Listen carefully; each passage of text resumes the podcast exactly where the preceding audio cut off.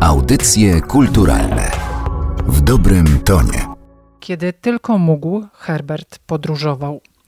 To proste stwierdzenie, krótkie zdanie pojawia się na 33 stronie monumentalnej biografii Zbigniewa Herberta, autorstwa naszego dzisiejszego gościa, Andrzeja Franaszka. Dwutomowe dzieło liczy prawie 2000 stron i nie będziemy tego dzieła dzisiaj streszczać, ale chcemy Państwa zaprosić do wspólnej podróży.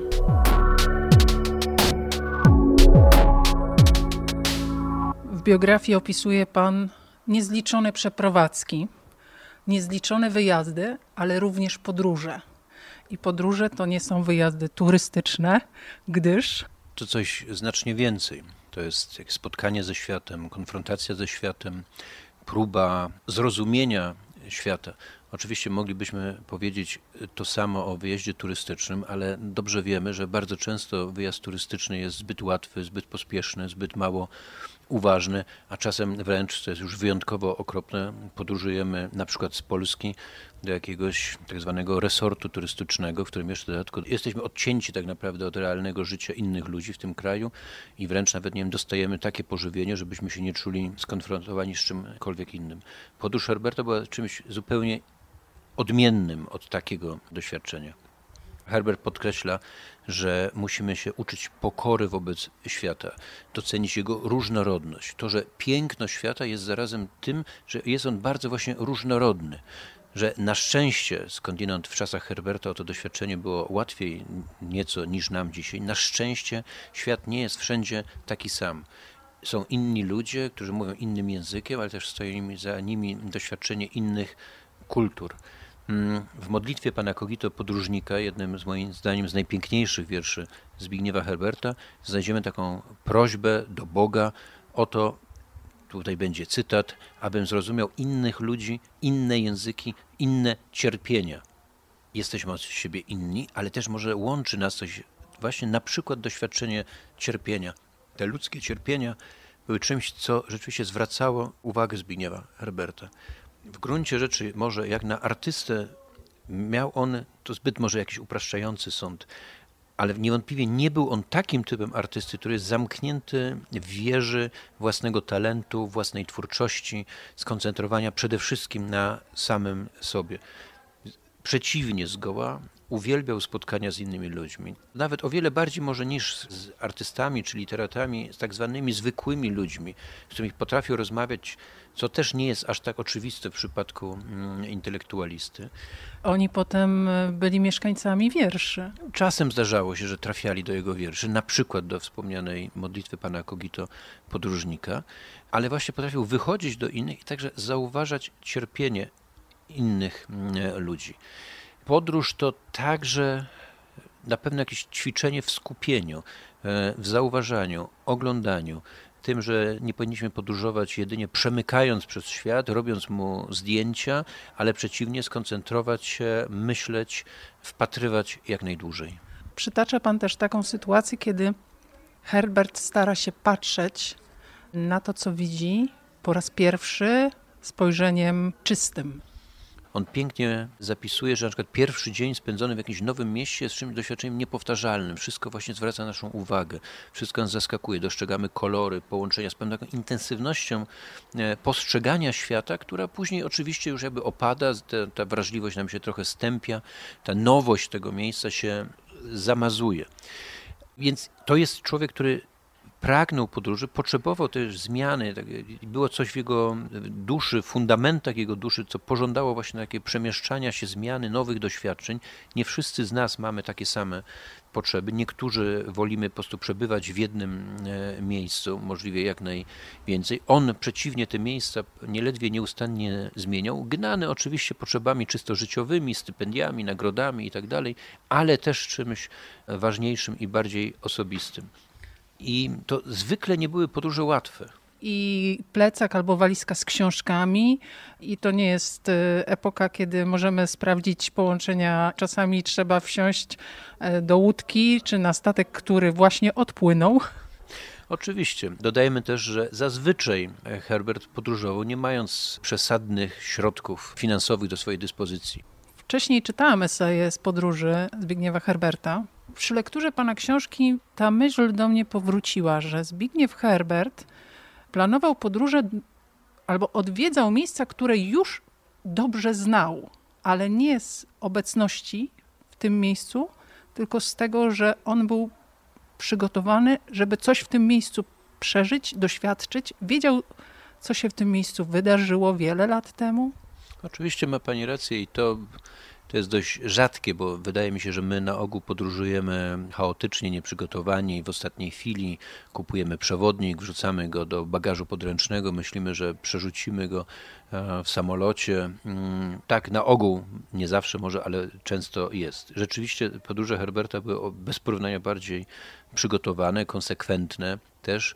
Jego po prostu interesowały też konkretne miejsca, zwłaszcza związane ze źródłami naszej cywilizacji, e, z basenem Morza Śródziemnego.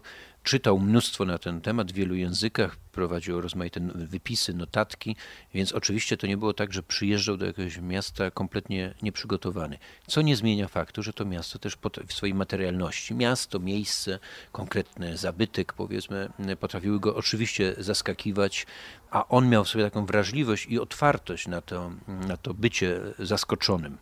Jest też Herbert podróżnikiem bardzo w gruncie rzeczy zmysłowym, takim przywiązanym do materii, do dotyku. Wśród jego zapisów są i takie, które poświęca temu, że na przykład spędza cały dzień w pobliżu takiej czy innej greckiej świątyni, chcąc obserwować, jak zmienia się układ światła, cieni, jak zmieniają się zapachy, jaką temperaturę ma marmur o poranku, a jaką późnym wieczorem, kiedy oddaje ciepło nagromadzone przez cały dzień. To są doświadczenia, które rzadko nam się zdarzają. Może one nie są aż tak niezwykłe, ale jednak rzadko mamy w sobie jakieś takie przyzwolenie, potrzebę, żeby ich doznać.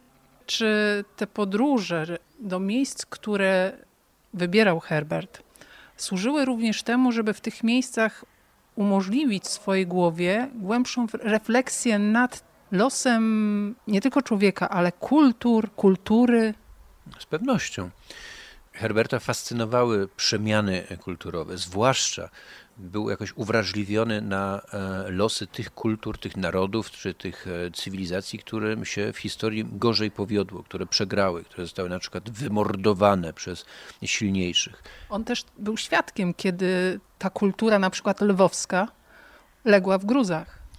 Oczywiście możemy dość łatwo nawet się domyślić czy zakładać, że doświadczenie młodości, kiedy jego miasto rodzinne wpadło w ręce najeźdźcy, kiedy właściwie z dnia na dzień całkowicie zmieniło się jego oblicze, no, a ludność została steroryzowana, zastraszona, aresztowana, wywożona.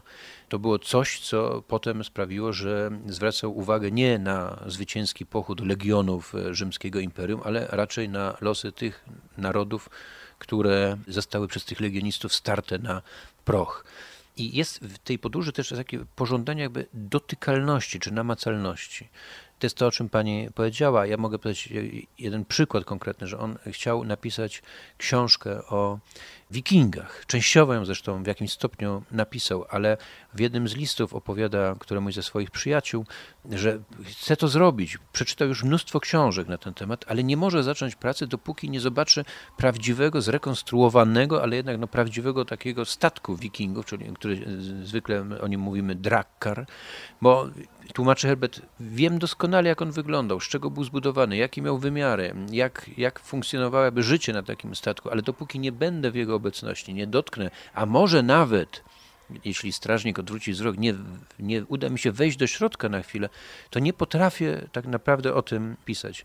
Tak bezpośredniość, właśnie dotykalność, sprawdzenie nie tylko wzrokiem, ale ręką, dotykiem, skórą, to też było coś, co wiązało się w przypadku Zbigniewa Herberta z jego podróżami. Wielki poeta Zbigniew Wędrowniczek? No, to jest trochę zbyt, zbyt e, może łatwe słowo. On co prawda chętnie tak um, używał. Może czasem przychodziło mu też do głowy fraza Johnny Walker i nieco grał z tą e, frazą, bo też oczywiście czasem zawartość butelek whisky i innych tego rodzaju butelek nie była mu mm, obca.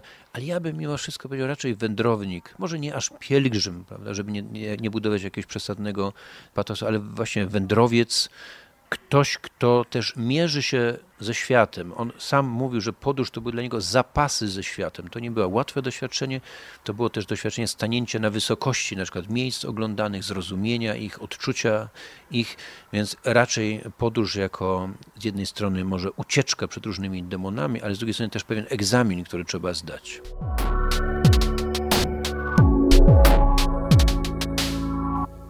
I tu wraz z puentą moglibyśmy zakończyć rozmowę, którą rozpoczęłam od przytoczenia zdania Kiedy tylko mógł, Herbert podróżował.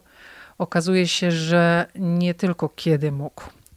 Jednak pamiętając o staranności, z jaką poeta wybierał widokówki wysyłane do przyjaciół z miejsc, w których odbywał zewnętrzne i zarazem wewnętrzne podróże, finale spotkania z Andrzejem Franaszkiem chciałabym zaprosić Państwa do wysłuchania jeszcze jednej opowieści, która zawiera w sobie kilka, a może jeden obraz podróży.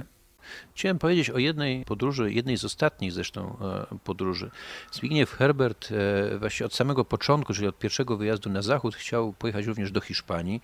Starał się wielokrotnie o wizę hiszpańską, ale jako obywatelowi paradoks pewien komunistycznego państwa tej wizy nie przyznawano i dopiero w latach 90., na początku lat 90., po zmianach oczywistych politycznych na świecie, kiedy jedno z wydawnictw hiszpańskich opublikowało wybór jego wierszy i w związku z tym miało też dla niego skądinąd skromne honorarium, a wtedy Zbigniew Herbert ze swoją żoną, panią Katarzyną Herbert, mieszkali w Paryżu. On podjął charakterystyczną dla siebie, czyli bardzo spontaniczną decyzję właśnie z dnia na dzień jedziemy do Madrytu kupili bilety na pociąg, na jakiś nocny pociąg, nie bez pewnych perypetii na granicy, bo okazało się to nie aż takie proste. Niemniej jednak udało im się późnym bardzo wieczorem, czy raczej nocą, dojechać do Madrytu. Oczywiście nie byli do tego przygotowani w tym taki sposób, jaki my się teraz przygotujemy, nie mieli zarezerwowanego hotelu. Wysiedli po prostu na dworcu, wsiedli do taksówki i poprosili taksówkarza, żeby zawiózł ich do jakiegoś e, hotelu. No i tu się okazało, że albo są hotele względnie niedrogie, w każdym razie dostępne im, ale całkowicie zajęte, albo te z wolnymi pokojami, ale takie, których ceny zupełnie przekraczały ich możliwości. Krążyli taksówką coraz dłużej, coraz dalej od e, centrum. W pewnym momencie zdesperowany Herbert powiedział, że w takim razie nawet niech ten taksówkarz zawiezie ich na posterunek policji, na co taksówkarz z kolei nie chciał się zgodzić, bo jakoś nie chciał się zbyt blisko kontaktować z policją. Ostatecznie ustalili, że zawiozą ich do szpitala. Zbigniew Herbert był wtedy ciężko chorym człowiekiem, cierpiącym na astmę i sam pomysł tej podróży był bardzo ryzykowny. Łatwo się domyślić, że nocna podróż pociągiem, potem to wędrowanie, e, szukanie kolejnego hotelu, delikatnie mówiąc, nie, nie pomogło mu. Został rzeczywiście przyjęty przez lekarzy, zbadany, stwierdzono, że faktycznie jest chory, ale udzielono mu jakiejś doraźnej pomocy i odmówiono no, po prostu położenia go na oddziale szpitalnym, ale przynajmniej ich z tego szpitala madryckiego nie wygoniono. W związku z czym resztę nocy, te kilka godzin, państwo Herbertowie spędzili na takich twardych, plastikowych, rozkładanych krzesełkach w jakiejś poczekalni, przy czym e, Herbert co jakiś czas szturchał, powiedzmy, panią Katarzynę, żeby ona nie zasnęła, bo obawiał się, że jeżeli zasną, no to zostaną może wyproszeni jako, no, powiedzmy, bezdomni, którzy nie mają tutaj prawa przebywać, więc ona wstawała co jakiś czas, szła do łazienki, żeby opryskać sobie twarz wodą, to nieco otrzeźwieć i tak dotrwali do rana. Kiedy wreszcie ta upiorna, jak sądzę, noc się skończyła, znów wzięli taksówkę i pojechali do Prado, bo to był tak naprawdę cel podróży Zbigniewa Herberta. On bardzo chciał zobaczyć obraz Przątki Velasqueza, chciał o nim e, napisać, chciał napisać o micie Arachne, o malarstwie hiszpańskim. W związku z czym jego żona wypożyczyła wózek inwalidzki, on na nim usiadł i ona wcześniej rano, kiedy może jeszcze było mało zwiedzających, pchała go przez tę salę Prado, żeby wreszcie dojechał pod ten obraz. Dojechał, oglądał go bardzo długo, a potem najzwyczajniej w świecie zasłabł i musieli go położyć do łóżka, czy może raczej na jakiejś kanapie w gabinecie dyrektora muzeum. Zaalarmowany wydawca przyjechał, zorganizowano jakąś pomoc. Resztę tego pobytu madryckiego Herbert spędził po prostu w pokoju hotelowym i codziennie rano, także wysyłał swoją żonę, prosząc, żeby chodziła po Madrycie i następnie opowiadała mu o tym mieście. Potem w jednym z listów powie, że była to jedna z najniebezpieczniejszych jego podróży, że uparł się przy niej tak, jakby sobie umyślił, że umrze przed obrazem Velasqueza.